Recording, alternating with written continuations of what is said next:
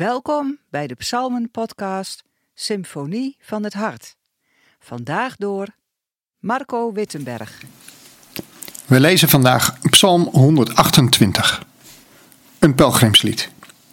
Gelukkig ieder die ontzag heeft voor de Heer en de weg gaat die Hij wijst. Je zult eten wat je werk opbrengt, geluk en voorspoed vallen je toe.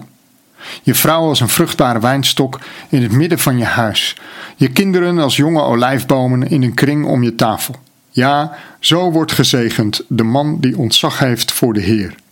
Ontvang de zegen van de Heer uit Sion. Je zult de voorspoed van Jeruzalem aanschouwen alle dagen van je leven.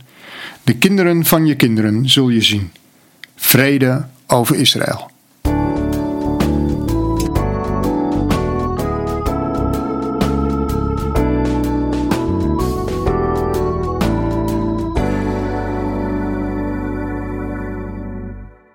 Eerlijk is eerlijk. De eerste keer dat ik deze psalm las, merkte ik dat ik toch wel wat cynisch werd. Het lijkt wel een plaatje van het ideale gezin.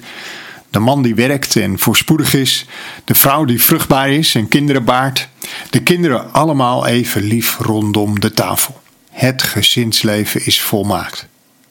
Hoe ontzettend ver staat dit beeld van de praktijk van vandaag de dag?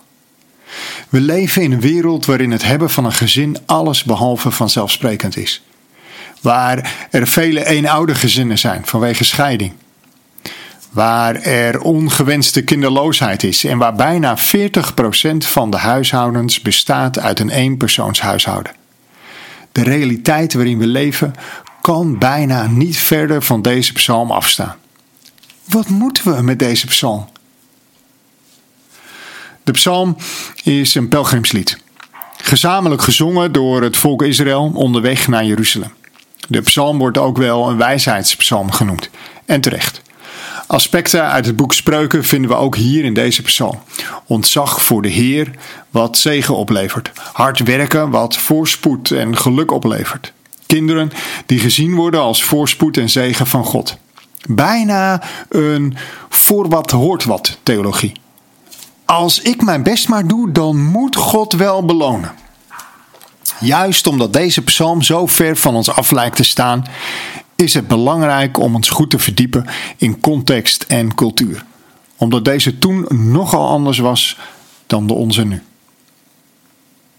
Ontzag voor de Heer is een manier van leven, een manier die terugkeert in de wijsheidsliteratuur van de Bijbel. Ontzag, respect of in oudere vertalingen vrezen, heeft, te maken, heeft ermee te maken dat je rekening houdt met God in je leven. Of misschien nog niet eens rekening houden met, maar Hem op de eerste plaats zetten. In die zin dat alles wat je doet en wie je bent staat of valt met je ontzag voor God. En in deze psalm worden dan drie dingen genoemd: werk, relatie en gezin. Drie dingen die van levensbelang waren in het leven van de Israëliet. Allereerst het werk. Voor het werk op het land en de oogst was men afhankelijk van God. Gods zegen voor de boeren was onmisbaar.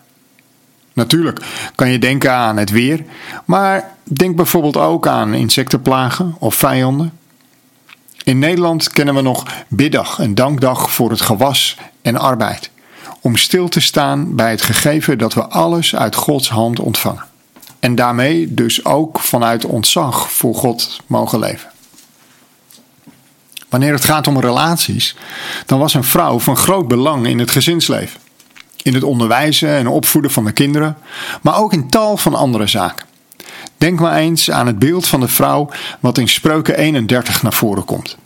Vandaag de dag zouden we een dergelijke vrouw beschrijven als zakenvrouw of zelfs als CEO van een grote multinational. En dan als derde het nageslacht. Zonder allerlei sociale voorzieningen als AOW en pensioen waren kinderen van levensbelang. Zij zorgden voor je op je oude dag. Zij zijn daarmee een teken van voorspoed en geluk. En de beide beelden die gebruikt worden zijn die van een vruchtbare wijnstok en een jonge olijfboom. Wijn en olie. Wijn en olie zijn kostbare goederen. Ze verrijken het dagelijkse leven en waren goede bronnen van inkomsten. Op deze manier wordt het belang van ontzag voor God in je normale dagelijkse leven beschreven. Niet als een voor wat hoort wat theologie, maar als een manier van leven waarin God de centrale plek inneemt in al je dagelijkse bezigheden. Wat dan opvalt in deze psalm is dat een verschuiving van begrippen plaatsvindt. Aan het begin wordt gesproken over geluk en voorspoed. Maar halverwege wordt dit verdiept door het woord zegen. Het gaat veel verder dan materiële zaken.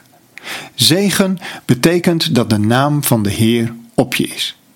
Dat Hij met je meegaat. Dat Hij vrede geeft. En om dan aan het einde van de psalm te zien dat de zegenwens verbreed wordt van persoonlijk en gezin naar Jeruzalem tot het hele volk van Israël. En we weten dat de roeping van het volk Israël was en is om van die zegen te delen en te getuigen van God. En als ik dit op me in laat werken, dan verdwijnt mijn cynisme als sneeuw voor de zon. En ben ik dankbaar voor Gods zegen. En vraag ik Hem met wie ik mag delen. Vraag je met me mee?